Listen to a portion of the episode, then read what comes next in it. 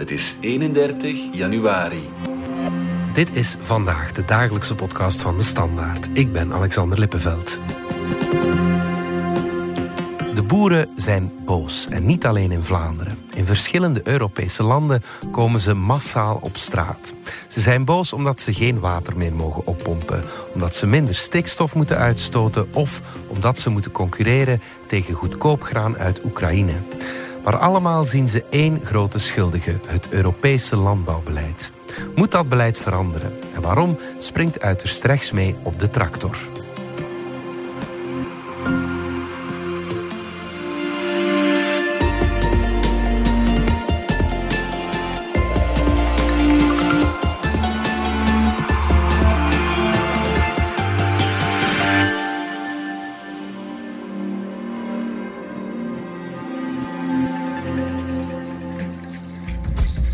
Ine Renson, je hebt al uh, heel wat geschreven over landbouw, over stikstof uh, had je een uh, groot dossier, over megastallen. Dus als er iemand weet waarom de boeren boos zijn, dan ben jij het wel. Maar laten we eens beginnen met een kort overzichtje. Boeren in heel Europa zijn boos. La population est derrière nous. Ils ont compris. On en a ras-le-bol. On peut pas faire de l'agriculture pas chère. Le panier de la ménagère, c'est une chose. Mais nous, il faut aussi qu'on vive de notre métier. was die Regierung hier so veranstaltet, die erhöhen uns die Maut und und und, die Diesel teuer, das kann ja kein Mensch mehr bezahlen. Und das geht ja an alle. Wij hopen eigenlijk dat politiek onderaan te gaan leren nadenken en een boerenverstand te gebruiken. Uh, het probleem is eigenlijk dat uh, de regels van Europa en van de Vlaamse overheid eigenlijk allemaal te streng en te veel opeenkomen. En uh, onze marges zijn niet groot genoeg om daar iets aan te kunnen bijbrengen eigenlijk. begin dit jaar hadden we al heel grimmige protesten in Duitsland, waar echt duizenden boeren op straat gekomen zijn, overal wegen en grote steden hebben geblokkeerd. Um, de voorbije week trokken kolonnes van tractoren door de straten in Litouwen en Roemenië. Uh, aan de andere kant van Europa zie je dat Spaanse en Italiaanse boeren grote steden hebben lamgelegd.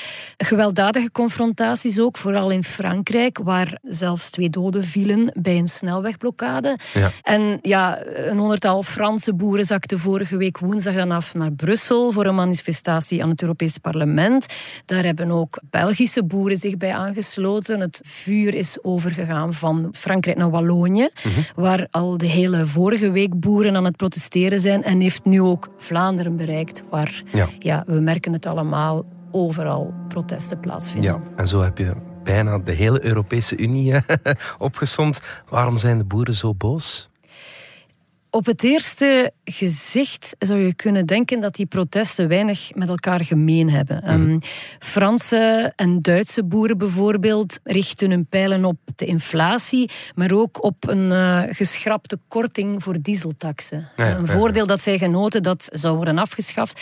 Spaanse boeren zijn dan weer boos om een heel andere reden. Zij mogen geen uh, rivierwater meer gebruiken om hun akkers te irrigeren. Mhm. Akkers die droog staan en water nodig hebben. Mhm. Want in Spanje is het historisch warm voor mhm. deze tijd van het jaar. Ja, uh, het was 30 graden ergens, geloof ik. Inderdaad, uh, rond Valencia. Dus die, die mensen hebben nu al water nodig, mogen niet meer irrigeren. Ierland bijvoorbeeld, iets heel anders. Daar gaat het protest over de maatregelen om de veestapel mhm. vrij grondig in te krimpen de Oost-Europese en Centraal-Europese boeren, hè, Polen bijvoorbeeld en Hongaren, die uh, protesteren vooral tegen de import van goedkoop vlees en goedkoop graan uit Oekraïne.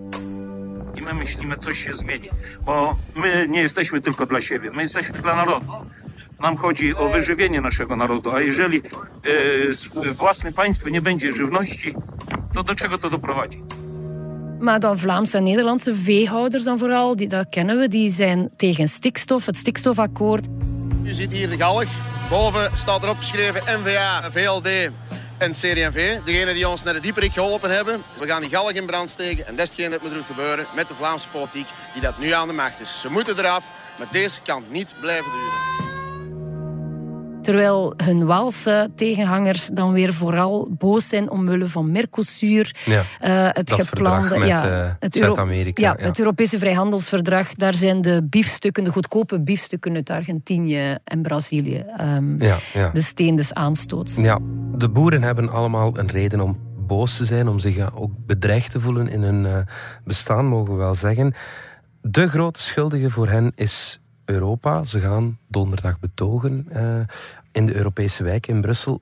Waarom wordt Europa zo geviseerd? Ik dacht altijd dat boeren vooral veel geld kregen van Europa. Ja, en dat klopt ook. Hè. Dus het Europese landbouwbeleid is gebaseerd op subsidies.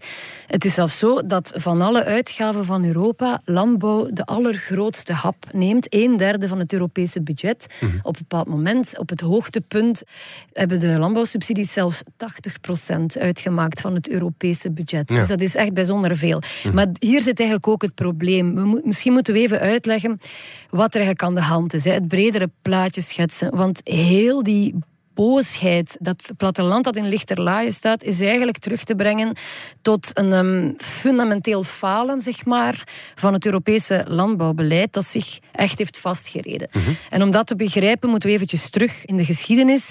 Um, dat beleid, dat is een model dat gestoeld is op grootschaligheid, is eigenlijk ontstaan na Wereldoorlog 2. Ja. Dat is echt een strategische beslissing geweest die uit de koker kwam van de uh, legendarische Nederlandse landbouwminister Sico Mansholt. Mansholt. De man die de voedselpositie van ons volk heeft veiliggesteld. Mansholt. De onvermoeide werker voor de toekomst van onze landbouwende bevolking. Sommigen zullen dat misschien nog kennen uit de geschiedenisboeken. Dan had je de Mansholt-doctrine, die zei nooit meer oorlog, nooit meer honger. Ja, ik ehm, heb uh, Europese politiek gestudeerd en ik weet er niets, niets meer van. Hendrik Vos zal boos zijn. Alexander. ja. Maar dus, die Sico Mansholt is dan ook de eerste Europese landbouwcommissaris geworden. En hij heeft eigenlijk het, het, de blauwdruk uh, opgetekend van de Europese landbouw die we vandaag nog kennen. De commissie heeft dus uh, zojuist uh, aan de ministerraad een uiteenzetting gegeven van wat zij meent dat in de komende tien jaar moet gebeuren in de Europese landbouw. Een landbouw die veel voedsel moest garanderen tegen lage prijzen. En die volledig heeft ingezet op schaalvergroting. Dus dan krijg je een landbouw waarbij je ziet dat boeren inderdaad steeds grotere stallen zetten. Waarbij je grote melkrobots krijgt, grote machines, grote pikdorsjes. Wat meer inzetten ook op specialisatie, monoculturen.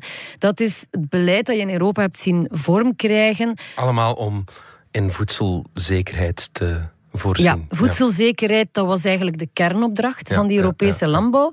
Dat hele systeem werd ook gesmeerd door subsidies. Hè. Dus er waren subsidies om boeren een deftig inkomen te geven, om hen ook wat ademruimte te geven voor investering. Maar uiteindelijk zijn die boeren op die manier aan het infuus van de subsidies komen te hangen. Ja, ja, ja. Uh, ze zijn eigenlijk ook tegelijk in een fuik gedreven van schaalvergroting. Een model waarbij dat die boeren altijd maar meer moesten produceren tegen lagere prijzen. Mm -hmm. Hele kleine marges. Waarbij je ook wel ziet dat de hele industrie die daar, die daar rond ontstaan is, de agro-industrie van voedselverwerkingsbedrijven, slachthuizen, ehm, gewasveredelaars, veevoederbedrijven, uh, banken ook die daar rond zitten, holdings die daar rond ontstaan zijn, diepvriesgroentefabrikanten. Dat is één grote industrie geworden. Mhm. Die eigenlijk vooral de vruchten van dat beleid heeft geplukt. en ook de consument natuurlijk. Want we hebben effectief veel en goedkoop voedsel gekregen in Europa. Wat heel belangrijk was, ook omwille van sociaal beleid. Het enige probleem is dat is een, een doodlopende straat. Mhm. Sociaal-economisch is dit voor boeren geen houdbaar model. Mhm. Het is, uh, de devies is eigenlijk de devies is groot of dood. Hè. Je moet altijd maar groter worden om tegen die lage marges te kunnen opereren. Ja. En je ziet dus ook dat de kleinere boeren, dat gebeurt overal in Europa, ervan tussen vallen. Die kunnen het op een bepaald moment niet meer aan. Tussen 2005 en 2020 is het aantal boeren in heel Europa met 37 procent gezakt. ja, maar de boeren die overblijven, produceren meer. hè? Hebben grotere stallen, meer dieren, grotere landerijen, meer uh, hectares aan aardappelen of bloemkolen. Boeren worden managers.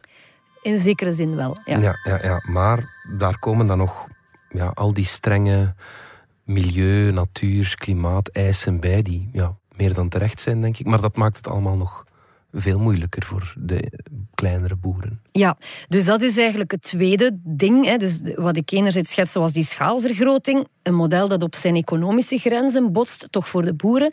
Het andere ding is dat dat hele model uh, dat we hebben opgetuigd ook op ecologische grenzen botst. Ja.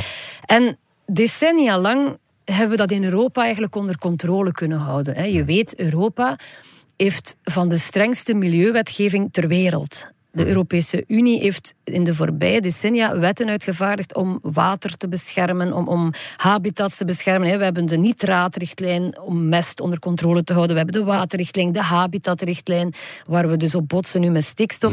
Dat zijn allemaal regels die nodig waren om dat model wat bij te sturen. Want dat model van grootschaligheid en uitputting van de bodem en, en steeds meer ruimte innemen, kunstmest, krachtvoer, dat is een model dat schadelijk is voor de omgeving. We hebben die evenwichtsoefening van enerzijds groot zijn en toch wat de scherpe kantjes ervan af uh, veilen, hebben we kunnen volhouden. Ook al bovendien, omdat Europa soms ook wel vrij laks is tegenover landen die um, ja. niet zo nauw nemen met de regels. Eigenlijk was dat niet genoeg, die richtlijnen. Mm. Dan is er iets bijgekomen. Op een bepaald moment hebben we de belangrijke klimaatafspraken gehad.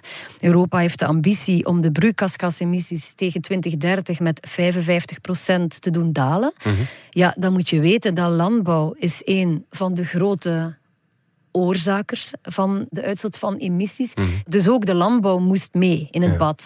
En dus moest Europa strenger worden. Dan heb je de Green Deal gekregen. Hè? Dan mhm. heb je de Farm-to-Fork-strategie eh, gekregen, die dus strengere milieu- en klimaateisen oplegt aan boeren. En die komen daar bovenop Terwijl dat die boeren eigenlijk al in een precaire economische positie zitten. En het is daar tegen, dat is heel tastbaar. Dat economische model, dat is iets vrij abstract. Maar die regels die zijn duidelijk. Dat zijn pestregels. En die moeten weg. Ja, kan je mm. dat eens concreet maken, die pestregels? Ja, een voorbeeld is... Um, Europa legt nu op dat boeren x aantal meter, ik denk dat het nu vier meter is, van een um, velden aan de rand van waterlopen ook bijvoorbeeld, moeten braak laten liggen en laten verwilderen. Hè? Mm-hmm. Dus bermen creëren. Dat zijn natuurlijk, als je in zo'n model zit van hele lage marges, waar elke meter telt, elke vierkante meter telt voor je opbrengst, ja, dan zijn die vier meter rand eraf snijden, dat wil je dan niet opgeven. Hè? Daar zit je mee vast. Um, het probleem is natuurlijk dat als je in zo'n model zit van groot of dood, dan zijn dat pestregels. Terwijl, ja, ironisch genoeg, de boeren een van de eerste mensen zijn die de klimaatverandering merken. Hè. Grote droogte, extreme regenval, dat is voor hen ook niet goed natuurlijk. Dat is inderdaad de grote paradox van heel dit verhaal. Ik heb ook nog met boeren gesproken die zelf op dat vlak ja, het licht wel hadden gezien. En die zeiden, wij zouden moeten voorop lopen in klimaatmarsen. Ja. Want wij zijn de eerste die het voelen. Hè. Als er geen water genoeg is om onze akkers te irrigeren, ja, dan kunnen we niet meer voort. Maar dus, dat is ook wat je zegt, die regelgeving van Europa is op zich wel nodig. Hè? Mhm. Maar het probleem is dat Europa tegelijk gas geeft en op de rem gaat staan. Dat is eigenlijk, zo moet je het een beetje zien. Gas geven als in steeds nog inzetten op die schaalvergroting. Want je moet weten dat de subsidies van Europa worden uitgereikt volgens grootte van een bedrijf. het heet ook letterlijk hectaresteun. Ah, dus hoe groter je, je, je akkerbouwbedrijf of je veebedrijf, hoe meer geld van Europa. Dus dat stimuleert direct en indirect de schaalvergroting. Tegelijk staat Europa nu heel hard op de rem. En die twee samen, dat gaat eigenlijk niet. Dat, dat moet wel botsen natuurlijk. Ja, ja, straks kijken we naar hoe we hieruit kunnen geraken. Maar eerst gaan we er even uit voor reclame.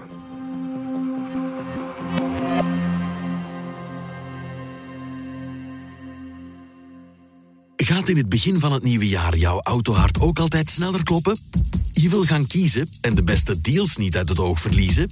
Kom dan naar een van de 35 Heden Automotive showrooms en ontdek al onze vertrouwde, maar ook onze verrassend nieuwe merken tijdens de Heden Autovest maanden. Al onze merken geven u onvoorwaardelijk de allerbeste voorwaarden. Meer info op hedenautomotive.be. Heden Automotive. More for you.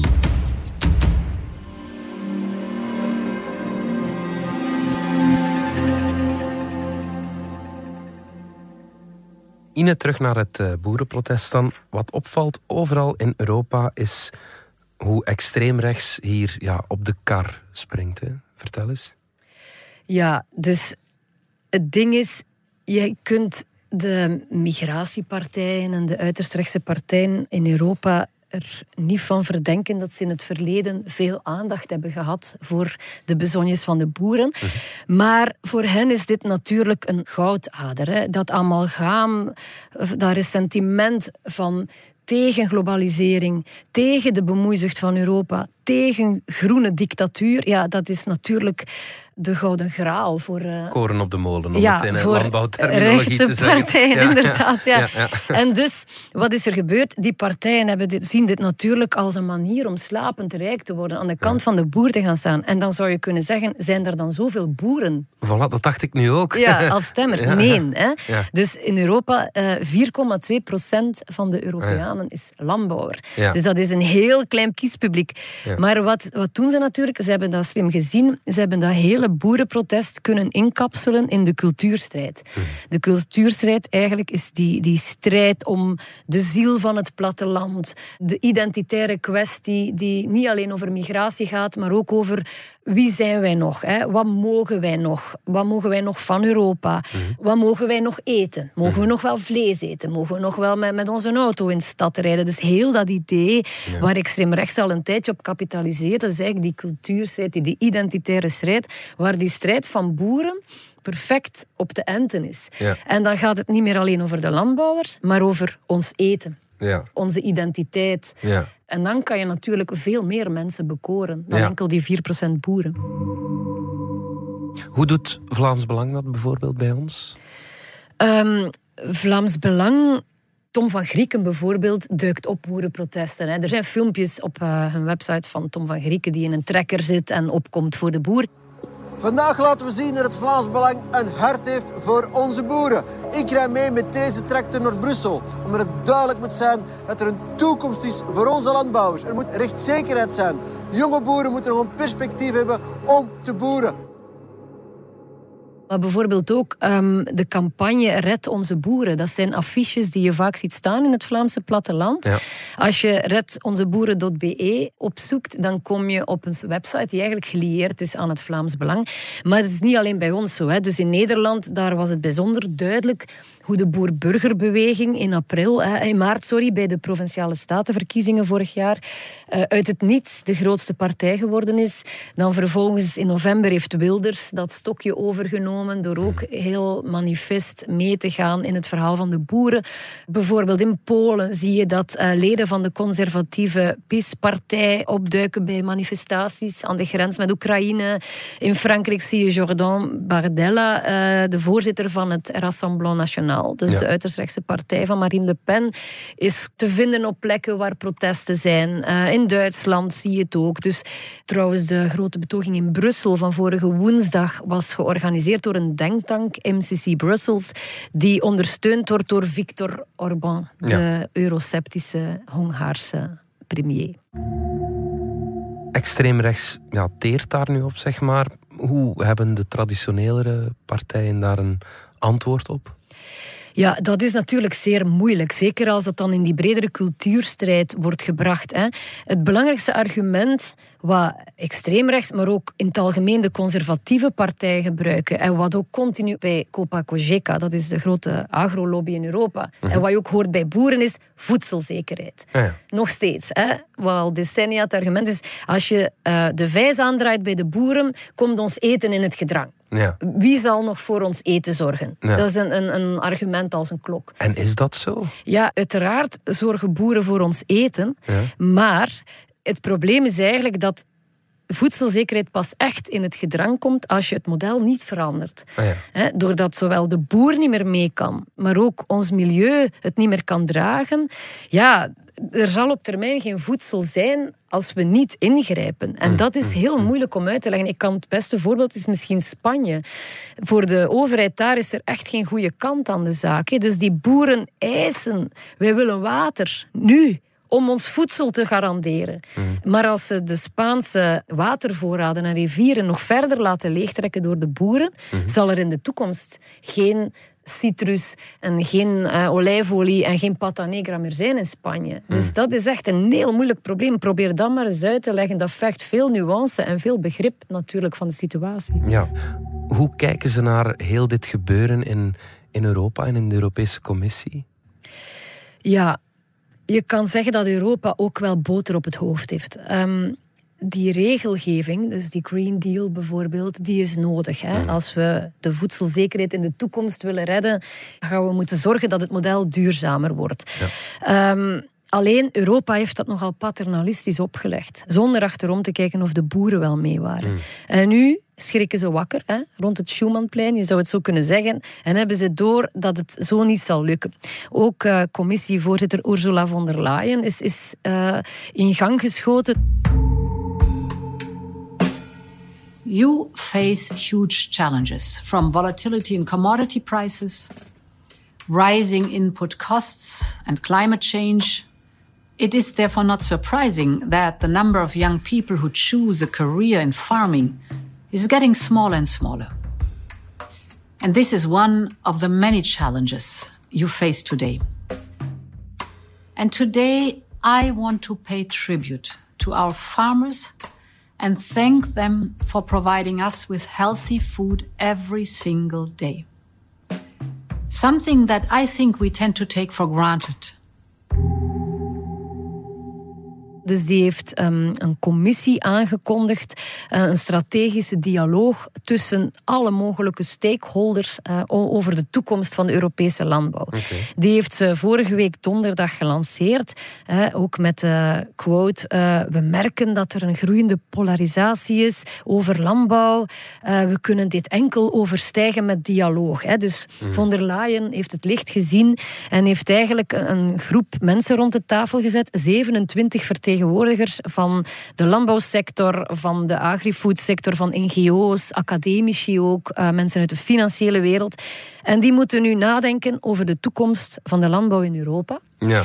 Die moeten een rapport schrijven tegen deze zomer met eigenlijk de vraag van kijk, hoe kunnen we de boeren een betere levensstandaard geven, een beter inkomen geven en tegelijk ervoor zorgen dat de landbouw in Europa duurzaam is en concurrentieel met de rest van de wereld. Ja, ja. Komt dat niet veel te laat, dat initiatief? Ja, het komt niet alleen veel te laat, uiteraard, want dit op drie maanden of vier maanden op papier zetten vlak is, voor de verkiezingen hier onmogelijk. Ook, ja. Um, ja. de hamvraag is natuurlijk, hoe moeten we dit doen? Hè? Dit is... Mm. Ja, je moet zo'n grote transitie doorvoeren in die Europese landbouw. Mm -hmm dat is iets wat je echt niet op drie maanden met 27 uh, eh, wijzen kan rondkrijgen. Eigenlijk is het echt niet serieus van von der Leyen om daar nu zo op het laatste nippertje mee af te komen. Ja, ja. Trouwens, uit een opiniepeiling die vorige week verschenen is van de Council on Foreign Relations, een uh, gezaghebbend uh, bureau, uh, heeft gepeild dat de uiterst rechtse fractie in het Europees Parlement, Identity and Democracy Group, waar onder meer het Vlaams Belang toe behoort, hè, maar ook bijvoorbeeld AFD, het uh, Rassemblement National, uh, dat die de derde grootste zou worden. Mm. Dus die zitten echt op winst in de peilingen. En in negen landen, waaronder België, maar ook Polen, Frankrijk, zou uiterst rechts de grootste partij worden bij de Europese verkiezingen. Ja. Het gevolg daarvan is natuurlijk dat uh, het Europees Parlement, de samenstelling van het Europees Parlement, na de verkiezingen hoogstwaarschijnlijk rechtser, conservatiever zal zijn. De kans is groot dat ook de volgende commissie rechtser is. En dat dus dat hele groene beleid, die Green Deal, on hold wordt gezet. Of ja, teruggeschroefd zal misschien moeilijk zijn, maar dat er toch niet meer met zoveel haast uh, aan gewerkt zal worden. Waardoor we eigenlijk ja, het probleem ook niet gaan oplossen. Nee. En hoe geraken we er dan nog uit, Ine? Ja, wat er eigenlijk echt moet gebeuren, dat is iets wat Europa tot nu toe niet heeft aangedurfd. Dat is aan die eerste poot zagen, hè, aan dat hele economische model. Dus wat men nu doet, is die groene vijs wat aandraaien. Maar dat alleen dat, dat werkt niet, hè? dat hebben we uitgelegd. Dus eigenlijk moet het hele systeem op de schop. Hm. Dat is echt de olifant in de kamer. Uh, je moet de hele keten herzien. Dat is trouwens iets wat je hoort ook bij al die boerenprotesten. Overal in Europa. Wij willen een fair loon. Als die boeren goed kunnen verdienen, dan zullen ze ook niet op straat komen. Dan, Mm. dan zullen die groene regels en ook zoveel niet deren. Het hele ding is, er is eigenlijk genoeg geld dat omgaat in de agri-foodsector. Maar er blijft heel veel hangen in de keten en niet bij de boer. Hè. Dus zoals ik daarnet zei, al die de veevoederbedrijven, de slachterijen, de vlees- en groenteverwerkers, daar zit wel geld. Om maar gewoon even te illustreren, in Vlaanderen en Nederland bijvoorbeeld zijn de families die achter de grote veevoederbedrijven zitten bij de rijkste van het land. Ja. Dus er zit echt veel geld in die sector. Het is alleen gewoon heel slecht verdeeld en de boer... De kloof is gigantisch. De kloof is Ja, gigantisch en het wordt allemaal afgewenteld op de boer, die echt de laatste schakel in de keten is en maar moet blijven werken tegen een heel laag loon. Mm. En dat is eigenlijk het echte probleem. Hè. We moeten gewoon een ander model opbouwen. En zolang dat we aan die fundamenten niet durven raken, ja, kan je wel blijven groene wetgeving opleggen, zullen boeren op straat komen en zullen politici, Europese, maar ook nationale, met die hete adem van extreem rechts in de nek, pleiten voor verzachting. Een pauze, eh, een Ja. afzwakking van de maatregelen, waardoor dat, eh, het probleem niet echt zal opgelost worden. Wat je zal zien, als ik een kleine voorspelling mag doen, is ja, dat dus inderdaad dat beleid op een lager pitje gezet zal worden, waarbij eh, goedkoop graan of varkensvlees eh, onze markt zal blijven overspoelen, waarbij tegelijk droogte onze landbouw nog meer onder druk zal zetten en het verdienmodel voor de boeren niet per se beter zal worden. Is er dan nog één lichtpuntje, Ine? Want dit is wel een heel somber beeld. Hè? Ja, ik denk dat als je echt met de rug tegen de muur staat, dan sta je misschien wel open voor verandering. En er is natuurlijk wel een lichtpunt, want dat economische model is geen harde wet. Dat is iets wat je kan veranderen. En je ziet ook, dat is iets wat die wijzen waarschijnlijk ook wel in hun rapport zullen stellen, voor zover mensen dat zullen lezen. Maar je kunt dit veranderen. En eigenlijk zouden boeren zelf ook ja, zich meer kunnen verenigen en die vraag op tafel leggen. Ja. Zorg dat wij een beter verdienmodel hebben. We zijn bereid om die ecologische maatregelen erbij te nemen, want ze zijn ook voor ons belangrijk. Maar zorg voor een eerlijk model. Ja, ja, absoluut. Goed, Ine Rensel, dankjewel. Graag gedaan.